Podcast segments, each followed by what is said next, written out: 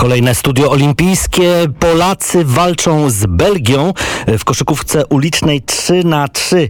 Niestety musimy wygrać to spotkanie aż pięcioma punktami, a na razie e, przegrywamy, co prawda minimalnie, ale jednak e, oczywiście, żeby liczyć się mm, w walce, no może nawet o medale, bo przecież takie były nadzieje związane z naszą e, koszykówką, tą taką nieco inną niż klasyczna, więc 3 na 3.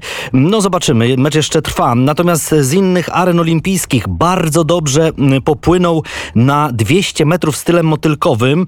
E, w półfinale nasz 17-letni pływak Krzysztof Chmielewski. Niesamowita sprawa. Zajął drugie miejsce i będzie płynął w wielkim finale. E, po 100 metrach nasz pływak był szósty, ale tak podkręcił tempo na ostatnich metrach, że dopłynął właśnie w stawce, która daje awans do finału. No i to jest wielka sprawa dla naszego 17-letniego młodziutkiego pływaka. Finał w środę 28 lipca o godzinie mniej więcej 3.50 czasu polskiego. Myślę, że warto wstać i właśnie ściskać kciuki za naszego kapitalnego e, pływaka. E, Hubert Hurkacz czeka na swój mecz z Leonem Bradym z Wielkiej Brytanii. Pada niestety nad Tokio dzisiaj e, ulewne deszcze. To też torpeduje jeszcze póki co start naszej najlepszej zawodniczce w kolarstwie krosowym, a w kolarstwie górskim, a więc Mai Włoszczowskiej. Bardzo liczymy na ten jej występ. Zobaczymy, jak to wszystko się będzie układało, bowiem warunki, no niestety y, trudne. Mm, może jeszcze nie przyszedł ten tajfun spodziewany właśnie w Tokio. Miejmy nadzieję, że on y, nie dotknie bardzo Igrzysk Olimpijskich, no ale już te ulewne deszcze pokazują, że nie jest dobrze. Wcześniej upały, 70% wilgotności, teraz deszcze. No rzeczywiście sportowcy nie tylko z rywalami, ale też właśnie z aurą muszą się y, zmagać. Nasza judoczka w kategorii do 63 kg, Agata Ozdoba Błach bardzo dobrze walczyła do momentu pojedynku e, z Włoszką e, Marią Centraccio. E, był taki pojedynek, gdzie ona, gdyby wygrała, była już by w strefie medalowej.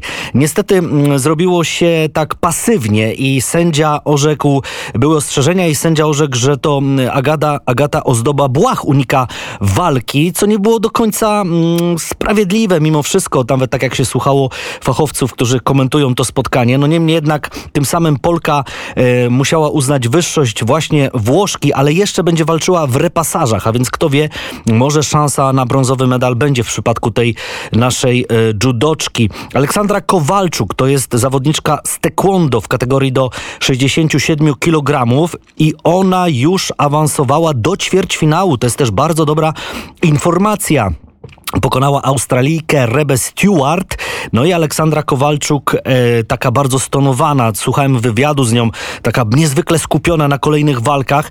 Kto wie, kto wie, my czekamy na pierwszy medal, no nawet ten brązowy, no niech już będzie jakikolwiek, e, to może właśnie będzie stał, stanie się udziałem Aleksandry e, Kowalczuk. E, co jeszcze? No przegrała e, nasza e, pięściarka, taka ta najbardziej utytułowana, Koszewska, natomiast z Turczynką rzeczywiście bezapelacyjnie e, zawodniczka była po prostu mm, gorsza.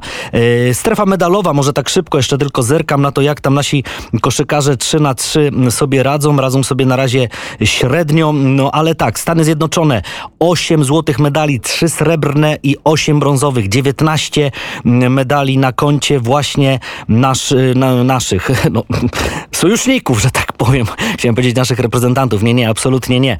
E, na koncie oczywiście Amerykanów. Na drugim miejscu jest e, Japonia z ośmioma złotymi medalami. E, trzecie miejsce ma, mają Chiny, siedem medali, a na czwartej pozycji jest reprezentacja Rosji, która startuje pod flagą olimpijską, 5 złotych medali. My na razie nie mamy żadnych, ale, ale czekamy. Następne studio olimpijskie za godzinę zapraszam.